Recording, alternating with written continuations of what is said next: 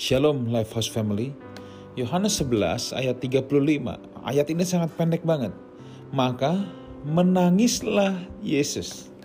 Udah. Ayat itu hanya begitu saja. Maka menangislah Yesus. Saudaraku, ayat ini pendek tapi menggelitik, saudaraku. Ayat ini pendek tapi sangat menggelitik. Pernahkah saudara mengalami kehilangan atau hal yang menyakitkan dalam hidup saudara? Mungkin bisa baru-baru ini, mungkin bisa beberapa tahun silam, atau lain sebagainya. Tetapi pada kesempatan ini saya ingin memberikan kepada saudara semua pengharapan yang baru pada saat ini juga. Apa pun keadaan yang pernah kita alami, saudara harus camkan ini baik-baik bahwa Tuhan ingin menyembuhkan kita. Dan Tuhan ingin menuntun kita ke tempat di mana kita bisa kembali bersuka cita. Kadangkala saudaraku kita memang perlu berduka. Dan kita bisa berduka dengan cara-cara yang sehat. Artinya kita tidak terpaku dalam kepedihan yang mendalam dan terikat dan tidak bisa move on. Itu sudah tidak sehat. Sesekali berduka itu itu wajar dan kita bisa berduka dalam koridor yang sehat. Bila kita menderita kehilangan, kita pasti akan melewati proses kedukaan. Sungguh saudaraku, satu-satunya cara untuk mengatasi rasa kehilangan adalah dengan berduka secara benar. Apa itu berduka secara benar? Kenapa kita sesekali perlu berduka, tapi harus benar ya?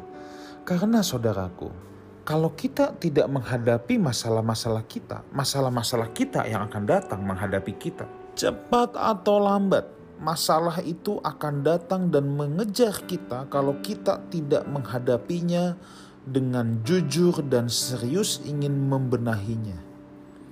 Berduka itu memang sulit dan menyakitkan, tetapi Tuhan akan memberikan kita kasih karunia untuk bisa melewati itu.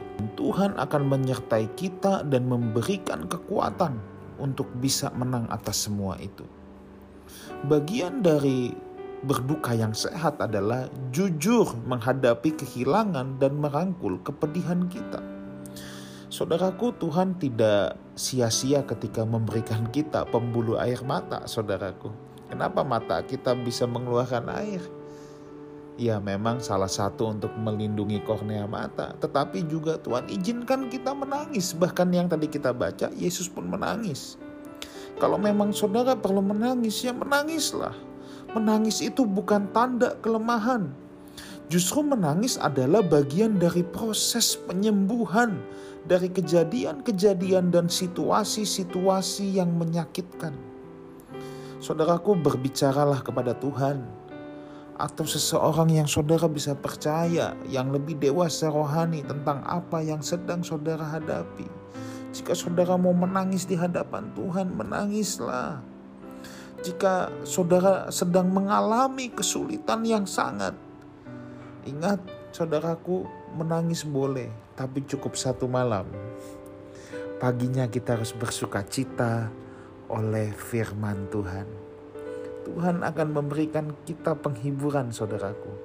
Percayalah dia mempunyai rancangan-rancangan yang baik bagi masa depan saudara. Dan saya juga harus mengencourage saudara untuk mau menjangkau orang-orang yang sedang terluka, yang sedang sedih hatinya. Mungkin saudara pikir ini aneh, tetapi sebagian dari kesembuhan ke kepedihan kita justru adalah kita temukan ketika kita menolong orang lain yang dalam kesusahan juga. Selamat menolong orang lain dan jadilah sembuh. Tuhan memberkati.